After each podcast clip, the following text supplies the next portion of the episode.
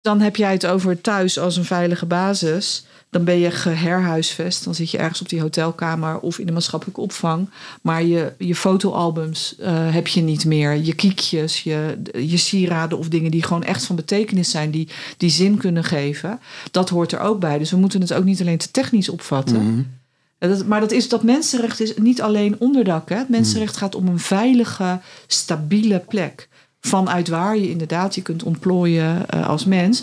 En wat mij betreft zit hier ook de pleidooi in om mensen niet in barakken bij elkaar te herhuisvesten. Want dan word je ook voortdurend eraan herinnerd dat het jou kennelijk niet gelukt is op een andere manier. Nederland is rijk aan ideeën over hoe de samenleving duurzamer, inclusiever en rechtvaardig kan. En toch lukt het ons niet altijd om die ideeën aantrekkelijk te maken voor het grote publiek. Mijn naam is Kiza Magendan. En ik ben Koen Bruning. Dit is De Onderstroom. Een podcast van Progressief Café waarin wij de ideeën uit de progressieve onderstroom naar beleid en praktijk vertalen. Wij praten met denkers, dromers en doeners. Wat is hun progressieve droom voor Nederland?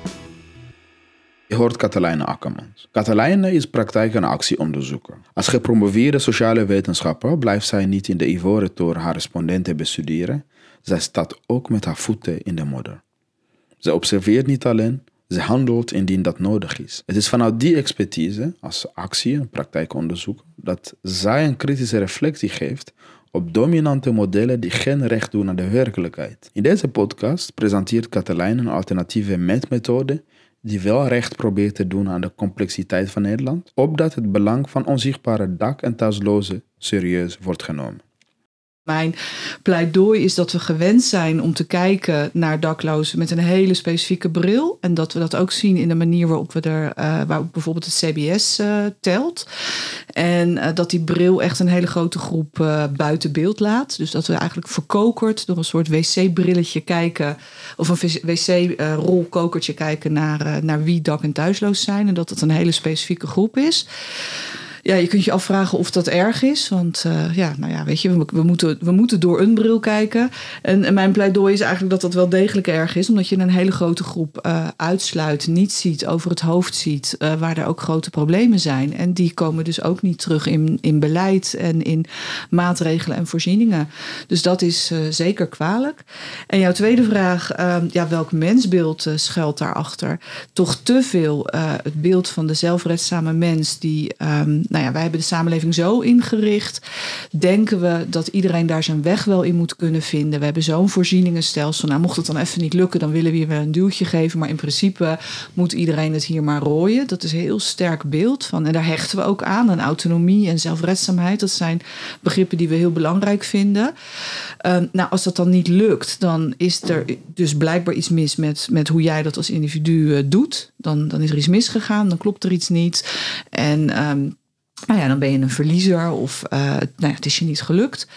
Um, en ik denk dat dat, dat een, een verkeerd, verkeerd uh, verkeerde, volkomen verkeerde blik is op, uh, uh, ja, op hoe mensen zitten en ook hoe die problematiek is rondom dak- en thuisloosheid. Als je een beetje verdiept of als je uh, googelt of het debat een beetje volgt, dan hoor je nu telkens het aantal van 39.000, 40.000 uh, daklozen rondgaan. Dat is een mooi rond getal, dat lijkt wel in beton gegoten. Het zijn er 39.000 punt. Uh, geen 39.523 of zo, maar gewoon echt een mooi, stevig, robuust aantal. En op zich, als je even stilstaat bij dat aantal, dat is al, dat is al heel wat. Dat is genoeg om, uh, om de Rotterdamse Kuip te vullen bijvoorbeeld. Uh, dus dan al een redelijk uh, alarmerend cijfer. Maar als je inzoomt op dat, op dat aantal, dan, dan is er eigenlijk iets heel interessants aan de hand. Het is een beetje het topje van de ijsberg. Het, het CBS heeft deze cijfers verzameld. Nou is het CBS een gerenommeerd en deugdelijk uh, instituut... die uh, ook goed is in meten en tellen en berekenen. Maar de cijfers deugen niet, hoor Maar de cijfers zelf deugen niet. Hmm. Want ik heb eens gekeken onder de motorkap van die cijfers... van hoe zijn die nou tot stand gekomen. En het CBS gebruikt uh, drie bronnen. Die telt de mensen die gebruik maken van de opvang. Dus de maatschappelijke opvang, dat is de dagopvang of de nachtopvang... Uh, nou, daarvan weten we al dat dat uh, vaker mannen zijn dan vrouwen. Het is een heel onveilige plek die iedereen uh, het liefst vermijdt, maar voor vrouwen extra onveilig is. Dus dat is al één. Echte mensen die echt een beroep doen op, op de opvang. Uh, ze vullen dit aan met cijfers uh, van mensen die een dakloze uitkering uh, daarvan gebruik maken. Nou, dat kun je alleen als je bent ingeschreven op een briefadres. Dat is ook maar een hele beperkt, of een hele, dat is een beperkte groep. Dat is niet een complete blik. Um, en tot vorig jaar keken ze ook naar cijfers bij verslavingszorg, instellingen voor verslavingszorg. welk deel van hun klanten daar of cliënten, waarvan het bekend was dat ze geen, geen huis hebben of geen vast adres. En, en, vorig jaar of twee jaar geleden inmiddels hebben ze dat um, veranderd en kijken ze naar cijfers van reclassering. Uh, dat is dus natuurlijk ook een hele specifieke groep. Dus je kijkt eigenlijk alleen maar met die bril naar de buitenslapers, de rough sleepers zoals ze het noemen, uh, die af en toe gebruik maken van de opvang, die een dakloze uitkering hebben en vaak ook verslavingsproblematiek. Nou, dat is een. een... En, en, wie wordt dan buiten oog uh, gehouden? Wie, nou, ik, ik, als je een beetje beeldend kan denken, en ik vertel ze van de buitenslapers met ook verslavingsproblematiek, dan, mm. dan zie je eigenlijk de wat oudere man voor je met een. het is een heel stereotyp beeld hoor. Met met een, uh, met een, een, een, een winkelwagentje met troep of volle tassen en een beetje haveloos uitzien. En dat, dat zijn is vaak ons mannen. beeld van het dakloos. Ja, een beetje van middelbare leeftijd, uh, wit. Ja. Um, en dat is het hele stereotype beeld. Nou, dat beeld klopt al lang niet meer. Die populatie is veel gemengder. Er zijn veel meer jongeren bij, mensen met een migratieachtergrond. Dus dit is echt, dit, dit beeld klopt al niet. Mm. Maar we sluiten echt een hele grote groep uh, buiten met dit beeld, namelijk de mensen met uh, die niet die wegblijven van de opvang en die wegblijven van de verslavingszorg. En dat zijn toch wel vaker vrouwen of jongeren. Die zijn veel maken veel meer gebruik van hun netwerk. Die zijn wel degelijk dakloos. Die hebben geen, geen eigen plek, geen thuis. Maar die hoppen bijvoorbeeld van bank naar bank, van familie naar vrienden. En dat kan heel gezellig klinken en leuk. Van nou, dan bij die en dan bij die. Maar dat is natuurlijk, dat kan rampzalig zijn en heel broos en heel uh, gebrekkig. We zien dus ook niet bijvoorbeeld de mensen, uh, vaak ook vrouwen die naar scheiding bijvoorbeeld in mm. een, uh, hoe heet het, een vakantiehuisje verblijven. Ja. Of in pensions. Ja. of de hele, de hele verhalen van die arbeidsmigranten die met twintigen in een veel te kleine woningen in shifts wonen. Dus om de beurt slapen, zodat er wel 40 mensen kunnen zijn. Die vallen er ook buiten. Want het CBS stelt ook niet uh, mensen uh, mee die hier. Um, je zegt niet illegaal verblijven, maar zonder uh, ja, de ongedocumenteerde. Ja. Herken je dat zelf? Ja, je moet, je moet lachen hoor. Maar heel leuk. Herken je dat zelf ook in jouw praktijkervaring als je contact hebt met uitvoerders, met beleidsmedewerkers, met wellicht ook ministeries, waarbij je eigenlijk ziet dat er heel veel focus is op theorie, op zogenaamde neutrale theorieën.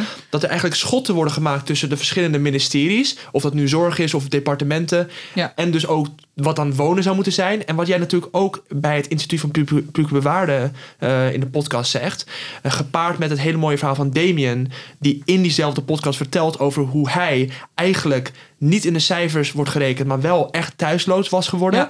Dat daar een soort van probleem zit in een dominantie van theorie. Uh, en dat er eigenlijk heel ja, die, die problematiek wordt niet meer bij elkaar ge gehaald, maar wordt gescheiden ja. als het ware. Ja, ja, echt op een bizarre manier. Uh, die, die, dat tellen, wat ik net zei van die daklozen, uh, hè, die 40.000 of die 39.000, dat zijn dan de rough sleepers. Dat zijn de mensen die echt ook vaak wel op andere uh, gebieden grote problemen hebben. Maar bottom line is dakloosheid natuurlijk gewoon een huisvestingsprobleem. Het niet hebben van een onderdak, punt. Mm -hmm. En wat we doen is dakloosheid heel erg vanuit VWS, het ministerie, benadrukken, van, benaderen. Um, terwijl die hele ideeën over woon, woonbeleid, woonvisie, dat is gewoon een andere wereld. Mm. En die werelden moeten we echt samenbrengen Mm. als we over dit soort problemen uh, hebben. Dat wordt zo ontzettend uh, uh, opgeknipt. En dus dat zie ik inderdaad heel vaak in de, in de praktijk. Um, ook professionals die je dan tegenkomt, die. Het is, het is als een lap, rode lap op een stier voor mij, dat zinnetje die zegt: Ja, maar daar gaan wij niet over. Nee, daar zijn we niet van. Daarvoor moet u bij het volgende loket zijn. Oh nee, maar wij gaan alleen maar over, uh, nou ja, over inkomen bijvoorbeeld. En het dat gaat is, ook om de categorisering hè, van In- de ja. daklozen. En soms, ja, ik begrijp dat in informele kringen een begrip als parasi- parasitair gebruikt wordt. Maar dat zegt ook iets over de afstand tussen het doelgroep en de beleidsmaker. Nou ja, en Kan de je daar iets meer over beeldvorming. vertellen? Ja, de beeldvorming. Eh, ik, ik zei zelf net al die afbeelding of dat beeld van de, de blanke of witte man met Mhm. eh, woeste haren en eh pak vla of een hond of een karretje vol troep eh, bij zich. Als ik eh, hierover schrijf, dan eh, plaatst de beeldredactie, het maakt niet zo heel veel uit van welk tijdschrift of welk podium ik eh, publiceer, bijna altijd een stokfoto van zo'n haveloos iemand op een matras. Ja. Dus ik moet ook elke keer dan zeggen, nou die foto gaat er niet bij. Dat gaan we niet doen. Dat is niet het goede beeld. Eh, laat eens wat meer diversiteit zien in je beeldvorming. Want daar gaat zo'n kracht eh, van uit. En eh, dat zijpelt door op alle, ehm, ja, gewoon op alle leef, op alle kringen, op alle contacten. Als ik het bij mijn familie heb over wat ik doe voor mijn werk, dan is er altijd wel een familie, een oom of zo, die zegt: Ja, maar we hebben het zo goed geregeld in Nederland. Het hoeft toch helemaal niet om dakloos te zijn. Of we hebben allerlei goede eh, voorzieningen. En als je dan vertelt van ja, maar dat wordt gestuurd door een bepaalde blik. Eh, oh ja, oh ja, dan zijn veel mensen die kennen toch wel iemand die in eigenlijk een heel vervelende situatie woont, of tijdelijk, of flex, of onveilig. Of, ehm, dus die, die beeldvorming zit ook in de hoofden van eh, beleidsmakers en beleidsuitvoerenden. En ik kom inderdaad soms tegen van mensen die notabene met deze doelgroep werken, die het idee hebben van ja, er is toch een groep met wie je niks kan, met wie die niks, die niks kan, die niks wil, die niks doet, die zo heftig overlastgevend zijn en, en eh, verward gedrag, of wat we dan nu zeggen, onbegrepen gedrag eh, vertonen. Ja, dat wordt wel heel moeilijk om hen woonvaardigheden aan te leren. En Woonvaardigheden. Ik, woonvaardigheden aanleren. Ik, kan, ik heb heel lang moeten nadenken, wat is dat? En heb ik ook dan woonvaardigheden moeten aanleren? En wat zijn dat nou is dat in een hemelsnaam? trap eh, die je moet eh, doorlopen? Nou ja, of, dat eh, is, ja de, de, de woon- je, moet woonvaardig, je moet woonvaardig zijn of leerbaar, anders kan je niet in een gewoon huis. Wat? Want dat, ehm, nou ja, hè, dat is natuurlijk ook vooral lastig voor je buren als jij niet woonvaardig diplo- bent. diploma moet ik mij voorstellen. Ja, eigenlijk moeten we een soort diploma hebben allemaal van hoe te gedragen als... eh, en dat maar is dit bizar. is een serieuze beleidsconcept. dat je echt Ja, nou, of je het bent. echt in beleidsstukken zo terugleest, dat, dat, dat weet ik niet. Maar er wordt wel over gesproken in die termen. Terwijl ik, als ik een woning wil huren, dan gaat niemand mijn woonvaardigheid eh, testen. Ehm, maar je had het net over een trap, want dat vind ik ook wel een interessant bruggetje naar de woonladder. Mhm. Eh, het oude model of het gangbare model van opvang voor, voor daklozen is dat je nou, dus op straat bent beland, nergens onderdak meer, eh, meer hebt weten te vinden. En dan, dan moeten we wat. Hè. Als samenleving moeten we wat met die mensen. En eh, het is ook een, een mensenrecht om, om eh, gehuisvest te zijn. Ehm, en, en hoe we het nu hebben ingericht, is dat je dan vanuit de opvang eh, langzaam maar zeker de boel op orde moet krijgen. Dus je moet een beetje tot rust komen, je financiën moeten op orde. Er zijn bijna geen daklozen die geen schulden hebben of geen geldproblemen. En nogmaals, niet omdat zij niet met geld om kunnen gaan, hè, maar omdat de situatie gewoon. eh, hoe overleef je zonder eh, schulden te maken? Uh, maar eerst moet dat op orde. En uh, nou ja, als je psychische problemen hebt, moet dat dan wat rustiger vaarwater komen. Je, moet, nou ja, je moet je verslaving een beetje onder controle krijgen. En zo kan je het eigenlijk zien als een soort trap, een laddertje. En je moet elke keer een trede hoger klimmen. En als je dan da dat helemaal hebt beklommen, met alle risico's van tussentijds weer terugvallen, uitglijden over die trap. Of omdat het te steil is, niet de volgende trede kunnen zetten. Nou, als je dan helemaal boven bent, dan kun je uitstromen naar een reguliere woning. Dan ben je daar klaar voor. Nou, het is natuurlijk een raar, bizar concept, toch? We hebben de neiging om dit probleem als een zorgvraagstuk te, te zien, terwijl het Ja. eigenlijk samenhangt met de hele serie. Daarom zijn we blij dat je hier bent. Koen, heb je nog een opmerking? Geen opmerking. Oké. Voor Eh, nu, maar, hè? maar misschien is het goed dan om dat begrip eh, eh, zelf, want eh, zowel Koen en jij hebben dat begrip zelfredzaamheid eh, net bekritiseerd. Ja. En er is ook een concept eh, bestandsonzekerheid. Ja. Die twee dingen hangen samen. Ja. Ehm, kan je ons daarin meenemen in jouw reflectie daarover? Ja. Nou, sowieso weet je, dat, dat begrip zelfredzaamheid, daar, daar heb ik ook wel moeite mee. Want het lijkt heel de tijd dan over de ander te gaan die dan niet zelfredzaam is. Terwijl ik denk, ja, wat, wat bedoel je nou precies? Zijn we nou allemaal losstaande, losvliegende ehm, deeltjes uh, die alles maar zelf moeten redden? Nou, of zelf voor elkaar moeten krijgen? Nou, als ik naar mijn eigen leven kijk, dat, dat, dat is ook niet zo. Ik ben op een heleboel manieren afhankelijk van anderen. Een soort fijn mazig net van afhankelijkheden waar we allemaal in zitten. Dus wie is er volledig autonoom en, en kan alles helemaal zelf. Dus het is ook een gek begrip, vind ik. Wat dat betreft, Koen noemde het even samenredzaam. Dat is een veel mooier. Het is, het is niet zo'n hele fijne term om uit te spreken, maar het verbindt. Hè? Dus het mensbeeld, we, we zijn geen losse, autonome, altijd rationele, verstandige wezens waar dat beleid wel op is gestoeld en dat neutraal, de neutraliteit ook mee, uh, mee samenhangt. We zijn juist verbonden en uh, we maken allemaal fouten en we hebben allemaal kwetsbaarheden. Ik weet, weet gewoon zeker dat er in jullie leven, net als in mijn leven ook, dingen zijn gaan schuren en mis zijn gegaan en pijn hebben gedaan. En niet, laten we dat gewoon zien als onderdeel van hoe ieder mens is. En dan is zelfredzaamheid gewoon een heel raar begrip. Um, dan ben ik alleen even kwijt wat ja, jij vroeg. Was in samenhang met iets anders. Maar Koen heeft nog een aanvulling. Ja, nee, maar het is, het is heel interessant uh, wat het verschil en het onderliggende mensbeeld is tussen zelf- en samenredzaamheid. Ja. En ook beleidsmatig gezien ja. vraag ik me uh, af of inderdaad zelfredzaamheid, gezien het feit dat het een focus heeft op het individu ten opzichte van samenredzaamheid, waarbij eigenlijk ook impliciet ervoor, ervoor van wordt uitgegaan dat wij van elkaar afhankelijk zijn. Maar dat er ook een wederzijdse verantwoordelijkheid is om in het land ervoor te zorgen dat een ieder de kansen heeft om waardigheid te vinden. En inderdaad ook een dak boven je hoofd hebben. Want wat Herman Cenk Willink in het boekje zegt wat voor ons ligt, kan de overheid crisis aan. En in zijn eerder boekje Grote Denken, Kleine Doen zegt, is dat die relatie tussen burger en overheid steeds meer een relatie is geworden tussen iemand die een dienst levert, de overheid en een klant, de burger, waarbij het individu inderdaad voorop staat, want de klant die doet alles op basis van zijn eigen belang, terwijl de burger niet als klant, maar de burger als burger, als iemand die samen met anderen in relatie staat met anderen.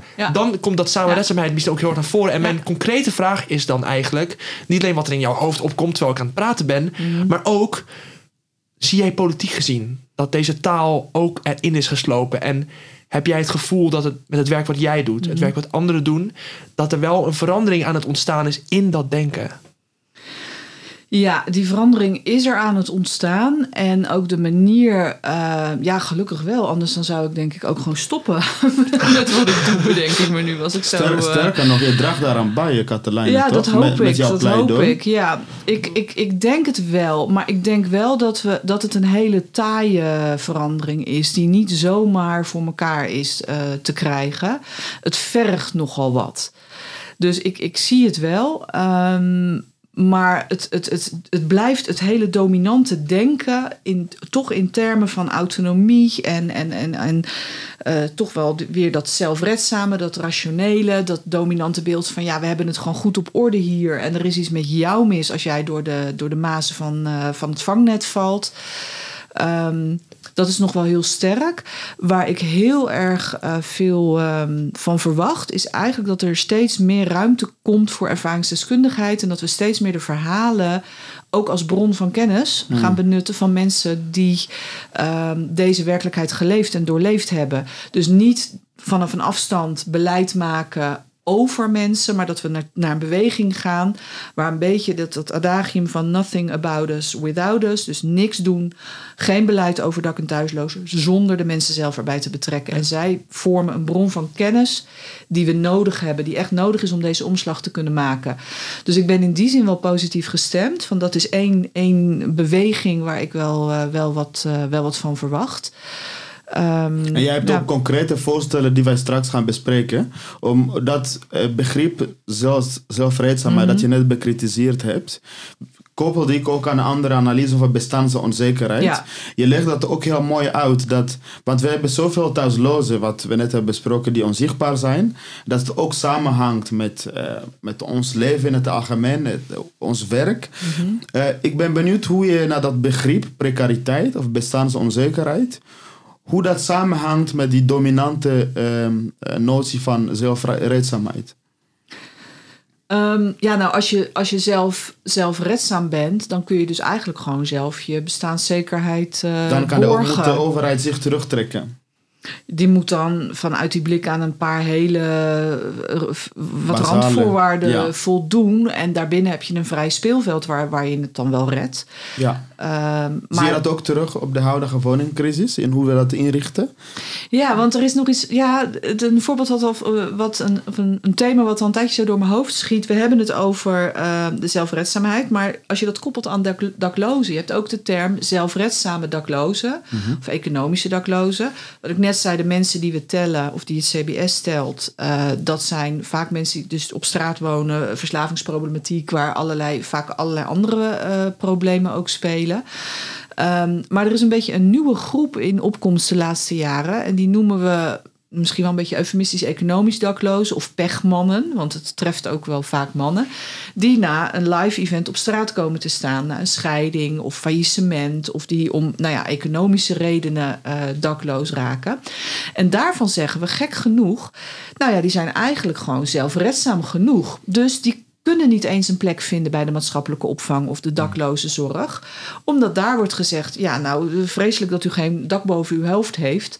Maar u bent te zelfredzaam voor uh, dit loket.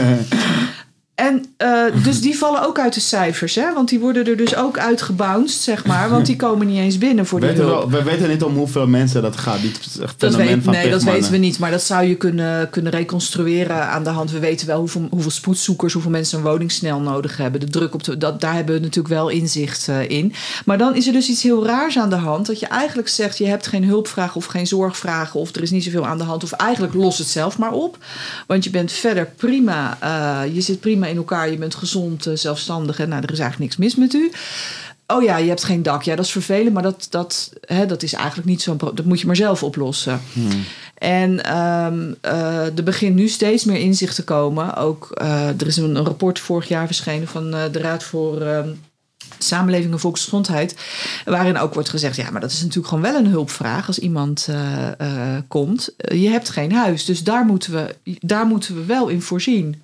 Zit daar dan ook het verschil in tussen het ene, aan de ene kant de uitvoerder, de professional, de ruimte geven om naar verhalen te luisteren en op basis van die diverse pluriforme verhalen met elk zijn eigen problematiek mhm. keuzes te maken. En aan de andere kant een van bovenaf op, opgelegde norm, regel, protocol die aan die professional wordt opgelegd. Waardoor zij weer minder ruimte hebben om die dakloze, economisch mhm. dak- of thuisloze per individu te benaderen. En daar op basis daarvan maatwerk te leveren. Iets wat natuurlijk in het toeslagenschandaal ook een heel belangrijk onderwerp is. Concrete vraag. Staat dan de praktijk haaks op een dominantie van cijfers en theorieën die van bovenaf, bovenaf worden opgelegd? Ja, ik denk dat je dat voorbeeld van die economische daklozen daar heel erg uh, uh, ja, als, als, als voorbeeld van kan zien. Van, dat het beleid nog steeds achter de feiten aanloopt. Dat de feiten nog niet helemaal vertaald worden in de beleidsrealiteit. Ja, of zeggen, hier kunnen we niet zoveel mee. U komt niet in aanmerking. Een volgend loket. Of u heeft dit uh, op orde. En Um, de, de, de, de werkelijkheid is gewoon grilliger en complexer en weerbarstiger dan wij vaak vangen in, in, in theorieën. En ook, uh, ook in beleid en in uitvoering en in regels en protocollen. Ja. Als ik daar een voorbeeld uh, uh, van kan geven op wat jij ook net zei, Koen, van we hebben het allemaal goed uh, geregeld en het is allemaal hè, prima. De, de, overheid heeft de zaakjes op orde. Maar je ziet dat er bepaalde groepen toch zwaardere klappen krijgen dan andere groepen. En als het gaat over dak- en thuisloosheid, zijn, krijgen vrouwen echt andere klappen daarin dan mannen. En um, dat heeft gewoon met structurelere machtsverhoudingen en verschillen nog altijd uh, tussen mannen en vrouwen. Um, of beelden die we hebben over mannelijkheid en vrouwelijkheid te maken.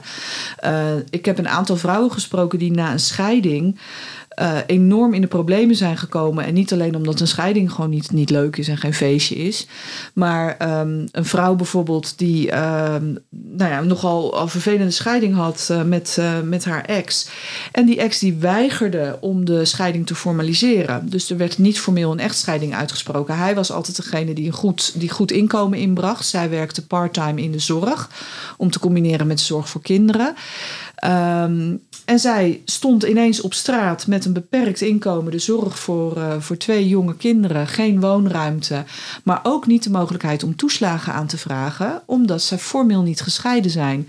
Dus uh, die man die weigerde dat. Op, op, papier hebben we het dan goed geregeld. Op mhm. papier had zij een te hoog inkomen. In werkelijkheid Ehm, was het ontoereikend. Heeft ze echt, zat ze dik onder het bestaansminimum. Uh, en moest ze haar toevlucht zoeken tot een uh, vakantiehuisje. En wat je dan ziet, en dat is wat, wat de, in dat rapport van die. Um, van de Raad voor, uh, voor, voor um, Volksgezondheid en Samenleving heel erg mooi wordt benoemd. dat er allerlei centrifugale krachten zijn in de mm. samenleving. Die je maakt ergens gaat het niet helemaal goed, zo'n scheiding. En vervolgens word je door allerlei krachten, door dat systeem wat we hebben bedacht, door die regels, die protocollen, beleid, visie daarop, word je in no time met een soort, ja, met een centrifugale kracht zo boem naar de marge van de samenleving geduwd. En die kracht is heel erg een tegenkracht, dus je komt er ook niet meer zo makkelijk uit. En dat is voor vrouwen, ook als je ziet nou na scheiding, uh, er was laatst ook weer een onderzoek waaruit blijkt dat de inkomensterugval die vrouwen na scheiding maken aanzienlijk veel ernstiger is dan, dan mannen na een scheiding. Vrouwen komen er gewoon slechter vanaf. En dat kan anders. Uh, in het artikel, het artikel dat je schreef voor ons heb je dat ook toegelicht. Uh, ik, zie ook, ik kijk ook naar de tijd. Ja. Uh, sorry. Um, hoezo, hoezo? Ik denk dat dit gesprek iets gaat uitlopen, maar we moeten wel scherp blijven. Ja, we willen alles, hè? We willen alles. Ja. Want in Canada, we zouden wel iets van Canada kunnen leren, als, als we het hierover hebben. Ja. Kan je ons daarin meenemen? Ja.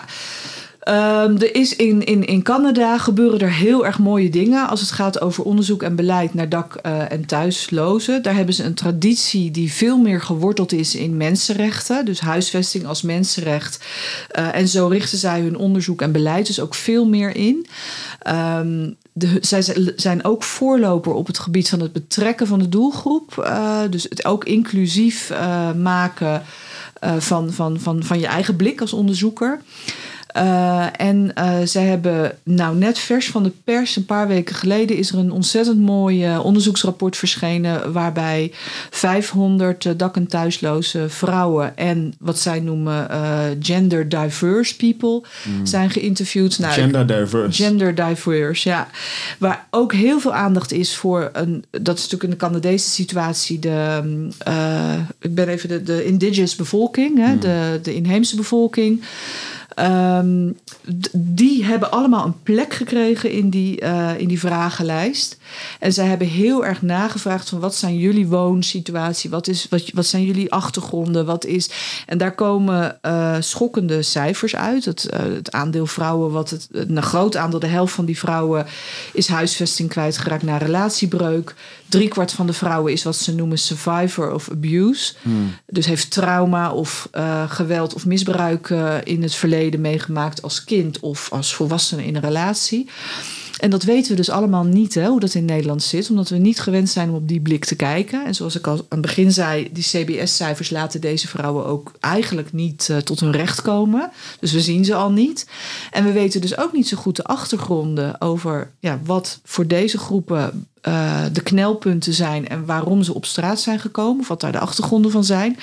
En in Canada baseren ze daar op die inzichten vervolgens ook heel concrete beleidsvoorstellen, zowel aan gemeenten als mhm. een landelijk en federaal niveau het is waanzinnig als je dat onderzoek in handen krijgt. Je zou willen dat we dat in Nederland ook op zo'n manier doen. Het is zo'n aanscherping van je blik. Koen, ik zie jou, want dit, ik moet de vraag stellen over de Europese. Nee, je moet helemaal niet. Uh, we ja, kunnen gewoon, we kunnen gewoon zo open mogelijk. het slaat heel mooi hier aan. Ik vind het zo geweldig. De Europese Federatie van Instellingen voor Dakloosheid, die heeft al een instrument in 2016 geïntroduceerd. Het opvallend is dat, overigens, dus de conclusie dat we veel van Canada kunnen leren, maar zo'n instrument ethos, misschien kan je dat uitleggen, bestaat al. En opvallend genoeg is Nederland een van de landen die dat nog niet heeft aangenomen. Want dat zou het CBS en beleidsmakers in Nederland uh, heel ja. om dit problematiek mee te nemen. inderdaad, ja. Nou, het leuke is dat, sorry, dat alle, alle, alle kanttekeningen die ik plaats bij die cijfers van het CBS, zeg je van laten we het anders doen, meer op mensenrechten gebaseerd, meer die inclusieve blik, niet alleen maar feitelijk dakloos, dus echt dat dak niet over je hoofd hebben, maar bijvoorbeeld uh, ook sociaal gezien dakloos of uh, wat veiligheid betreft. dus meer vanuit de daadwerkelijke leefomstandigheden van mensen. En En daar zat ik dus ook over te dromen en te fantaseren. En toen realiseerde ik me, maar dat instrument dat hebben we al. Dat hoeven we niet zelf te gaan verzinnen. Dat moeten we ook maar niet gaan doen. Want er is een Europees uh, standaard. En het zou mooi zijn om daarbij uh, bij aan te sluiten. Die heeft ook wel zijn onvolkomenheden. Mm Maar dan maak je uh, in ieder geval ook een vergelijking tussen landen en wat continuïteit daarin mogelijk. En laten we wel wezen, geen enkel meetinstrument is perfect. Ja, misschien een digitale thermometer tot op zekere hoogte. Maar je moet ook niet ehm, heel veel energie blijven steken in het najagen van het ultiem perfecte geregistreerde registratie dat lijkt me zonde van je tijd. Dan kan je beter met je pootjes in de klei de boel gaan oplossen. Uh, maar het instrument dat is er dus, uh, is er dus al uh, wel. En met verschillende leef, of leefgebieden, met verschillende poten, dimensies van, van dak- en thuisloosheid. Dus daar kunnen we ook ons ja. voordeel mee doen. Zou je met ons kunnen meedromen? Hoe kunnen wij mm -hmm. intersectionaliteit bereiken in de inrichting van, de volk, van onze woningmarkt? Waar ik van zou dromen is, we hebben het met onze regels en degelijkheid en kwaliteitskeurmerken en whatever. Allemaal zo, zulke hoge eisen aan de woningbouw gesteld dat we kwalitatief ontzettend mooie huizen hebben, maar wel te weinig. Dus ik, ik zou eigenlijk willen dat we wat, wat brutaler of wat, wat, wat nonchalanter misschien wel zijn in ook de eisen die we aan alle woningen stellen. Zodat er gewoon een, ook een veel gevarieerder woningaanbod uh, is. Er zijn waanzinnige nieuwe vormen van collectief wonen scheef wonen. En scheef wonen niet in de zin van, uh, niet in, in combinatie. Scheef wonen is een term die natuurlijk verwijst naar uh, te veel verdienen voor, de, te klein, voor, voor jouw sociale woning. Maar ik bedoel meer scheef, um, gek wonen of anders wonen. Uh, dat we daar dus, dus veel flexibeler ook in zijn. En veel meer vanuit de leefwereld. Dus ja. niet vanuit allerlei beelden over wonen, regels, veiligheid. Nou, pel dat allemaal af. Moeten we niet helemaal loslaten, want anders gaan we allemaal onveilig. En dat is ook weer niet goed wonen. Maar veel meer vanuit. Um, gewoon de behoeften die er zijn om te wonen. Ja. Die vrouw waar ik net uh, naar verwees, uh, die na die ellendige scheiding in het vakantiehuisje kwam, op kilometers afstand van uh, de school van de kinderen, wat, wat sociaal echt een, een scheur was in haar leven. Want ze had ook niet de middelen om die kinderen de hele tijd heen en weer te brengen naar school, naar feestjes, naar sport. Dus dat is zo enorm ontwrichtend. En, en problematisch. En dat was, je bent geïsoleerd en echt weggezet. Niet alleen fysiek in je woning, maar ook sociaal. Die was gewoon gebaat geweest met snelle, prettige, maar vooral dichtbij haar netwerk een, een woning. En ik denk eigenlijk dat het haar niet geboeid had of dat nou uh, een soort container of een leuk omgebouwd kantoorpand was geweest. Maar dat hebben we niet. Zo zijn we niet gewend te denken. Je moet in aan. Hoe lang sta je eigenlijk ingeschreven voor je woning? Oh, je komt niet in aanmerking. Scheiding is geen urgentiegrond meer. Dus nou ja, je vroeg om te dromen. Laten we daar ook gewoon veel meer omarmen dat je er heel veel verschillende... Je stralen, want dit ja. is hele concreet. Maar dan heb je dus ja. twee oplossingen. Even kort samengevat. Waarbij we één hebben, we moeten die meetmethodes veranderen. Want meten gaat om macht. En op het moment waarop je dingen anders meet ga je ook andere keuzes maken. En mm -hmm. kun je het ook makkelijker maken voor mensen vanuit de straat, vanuit media, om druk te zetten op: kijk, kijk ja. de cijfers, hier moet iets gebeuren. Ja. Ten tweede dus dat we moeten bouwen, bouwen, bouwen. Kort gezegd. Maar anders, nee, dat zegt ze niet. Nee, nee, nee. Ja. nee, nee. Maar ik, ik, ik, maak een karikatuur van haar, ja. van haar tweede oplossing. Okay. Maar we moeten meer bouwen en we moeten misschien ook gaan kijken naar hoe we die regels anders kunnen maken. Zodat er wat meer ruimte is om te bouwen. En misschien ook voor de mensen die het niet heel veel uitmaakt. Om gewoon een dak boven hun hoofd te hebben. Ja. Ten derde is dan mijn toevoeging, ook mijn vraag aan jou. Gezien het feit dat in het woondebat er natuurlijk die nuance wordt geplaatst. Dat aan de ene kant heel veel gebouwd moet worden. Maar aan de andere kant er ook heel veel belangen spelen. Bij vooral een partij als de VVD, bij hen die een eigen woning bezitten, met een hypotheekrenteaftrek, mm -hmm.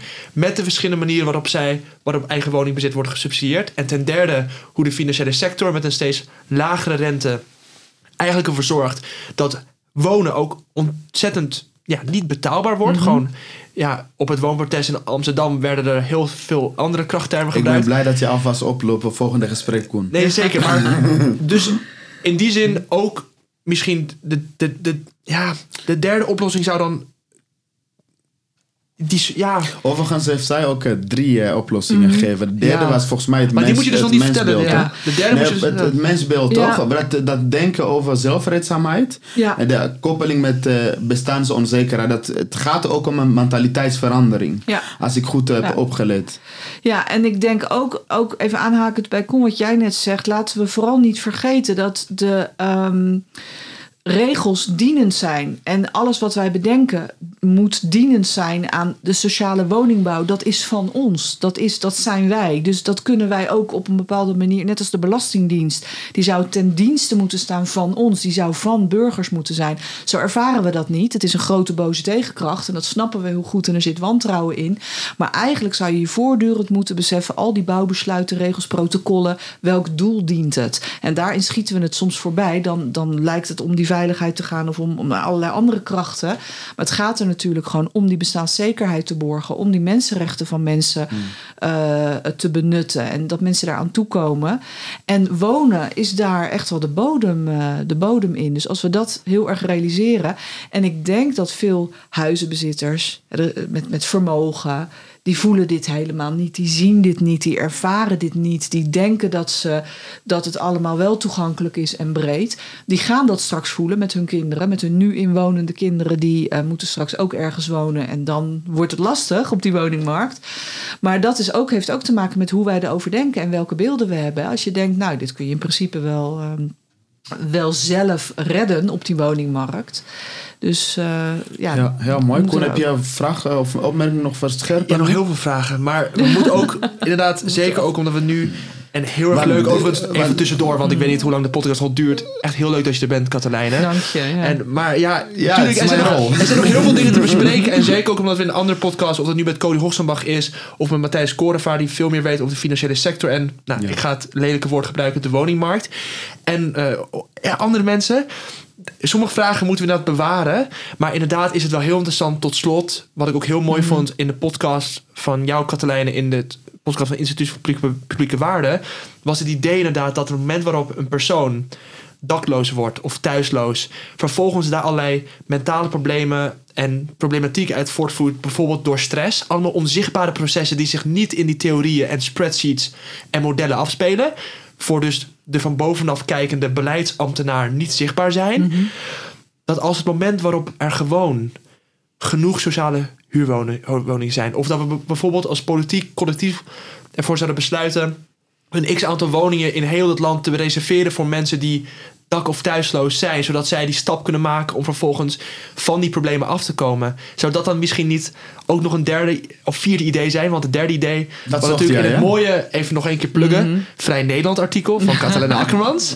er staat, allemaal lezen. Eh, de vier oplossingen zijn van gewoon ook ja, meer, meer sociale... Ja, er is natuurlijk ehm, niet één oplossing of twee of vier. De, je zou het helemaal kunnen aanvullen. Je zou ook willen dat we investeren in netwerken en onderlinge steun en collectieve opvang. En dat je dus ook in je eigen netwerk, al is dat tijdelijk of niet optimaal, maar dat je daar toevlucht vindt. Dat je daar stabiel, dat je niet in de problemen komt eh, als je bij je moeder of je zus eh, intrekt en je allebei een uitkering hebt. Dan krijg je gedonder met die kostendelersnorm. Dat is niet. Dus als we daar veel meer ruimte ook in zouden hebben en meer voor elkaar daarin, dan, dan heb je al. ehm, eh, ja, dan, dan bereik je al wat.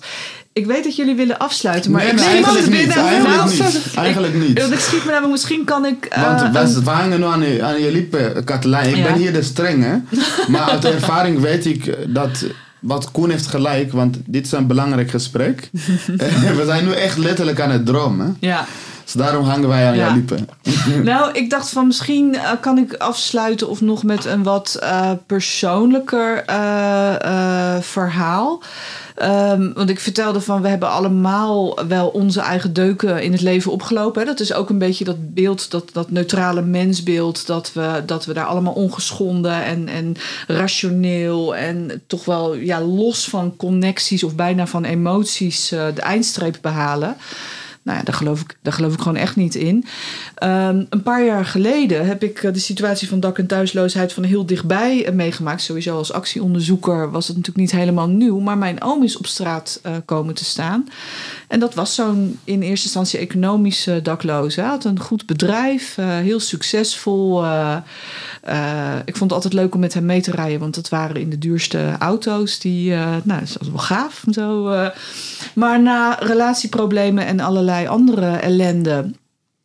is hij gaan zwerven. Mm. En toen kwam het heel dichtbij. En toen heb ik van heel erg dichtbij gezien wat het betekent om geen netwerk te hebben om een familie te hebben. Er waren allerlei moeilijke familierelaties. Ehm, maar om een familie te hebben die ook uh, zegt van je bent wel welkom. Uh, we geven je wel, uh, wel wat geld. Maar wil je de bonnetjes geven? Want dan kunnen we zien dat je er geen drank voor koopt. die dan eigenlijk allerlei beelden, vooroordelen. hij was in de opvang uh, wilde ze een paar spullen die hij had daar niet meenemen uit angst dat het gestolen werd. Nou, dat was allemaal heel moeilijk. Dat kon dan op voorwaarden en zo. Dus dat, dat heeft mij wel heel erg laten zien van... Um, we hebben wel uh, ervoor kunnen zorgen dat hij in de opvang een dak boven zijn hoofd had. Maar eigenlijk hebben we dus helemaal niet zoveel. En het systeem heeft hem niet kunnen helpen. Nee.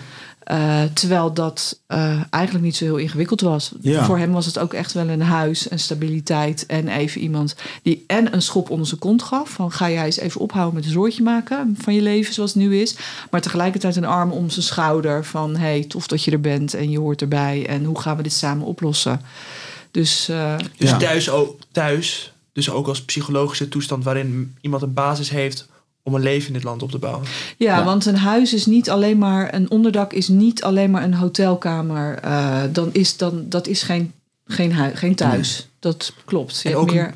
ja, nu wil ik het niet overdoen, maar ook een thuis waarin en dat komt eigenlijk in het boek wat hier ook voor ons ligt van Matthew Desmond, Evicted, mm over eigenlijk hoe huisuitzettingen in Amerika zich voordoen en in welke getalen. Ja. Ook een thuis waarin mensen niet alleen een psychologische toestand hebben die stabiel kan zijn en waarin ze zich gewaardeerd voelen.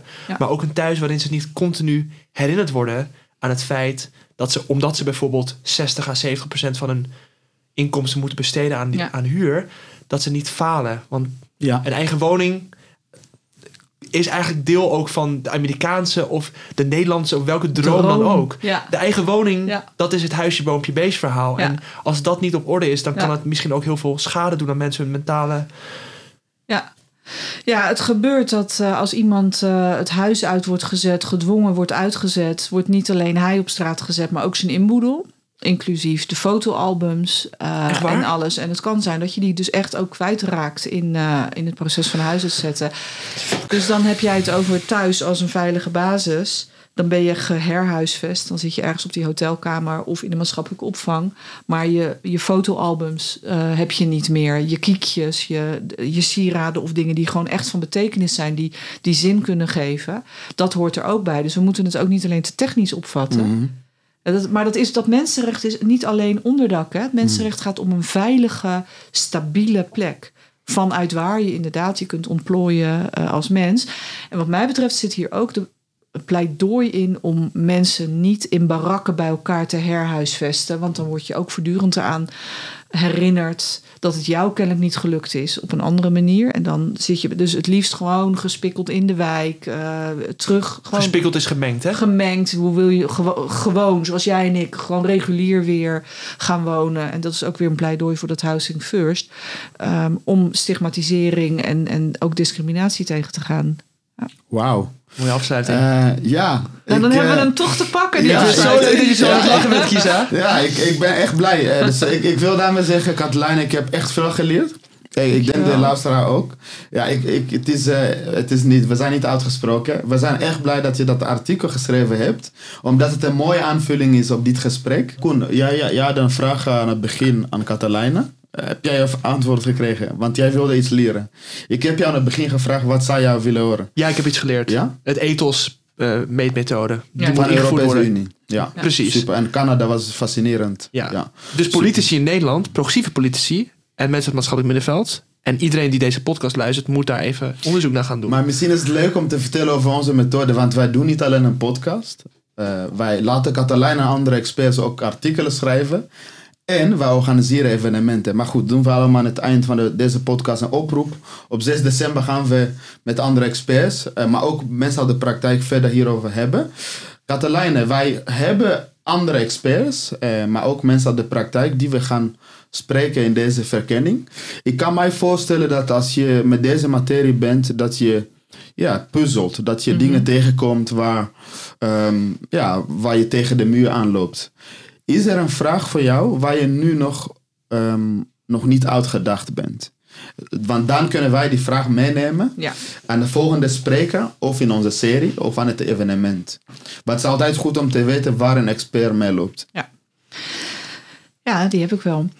Ehm, als wij uh, even de CBS-cijfers met al die kritieken eromheen en al dat haarkloverij uh, even gewoon plat slaan, dan hebben we 40, in ieder geval 40.000 mensen zonder dak. Nou kom ik maar weinig mensen tegen die zeggen, joh, dat is uh, een symptoom van bij het product van hoe wij leven en dat is nu eenmaal zo en ach, akkoord. Er, zijn, er zijn eigenlijk geen, er is niemand die zegt dit is acceptabel. Dus er is een heel breed draagvlak om dit op te lossen. Ehm, nou, hoe je dat dan precies doet en, of, of, en, en wat de oorzaken van die dakloosheid zijn, daar, daar wordt heel erg dan uiteenlopend over gedacht. Maar ook dat wil ik gewoon dan even parkeren. We, we hebben nu een situatie dat er gewoon een flink aantal mensen uh, niet gehuisvest is.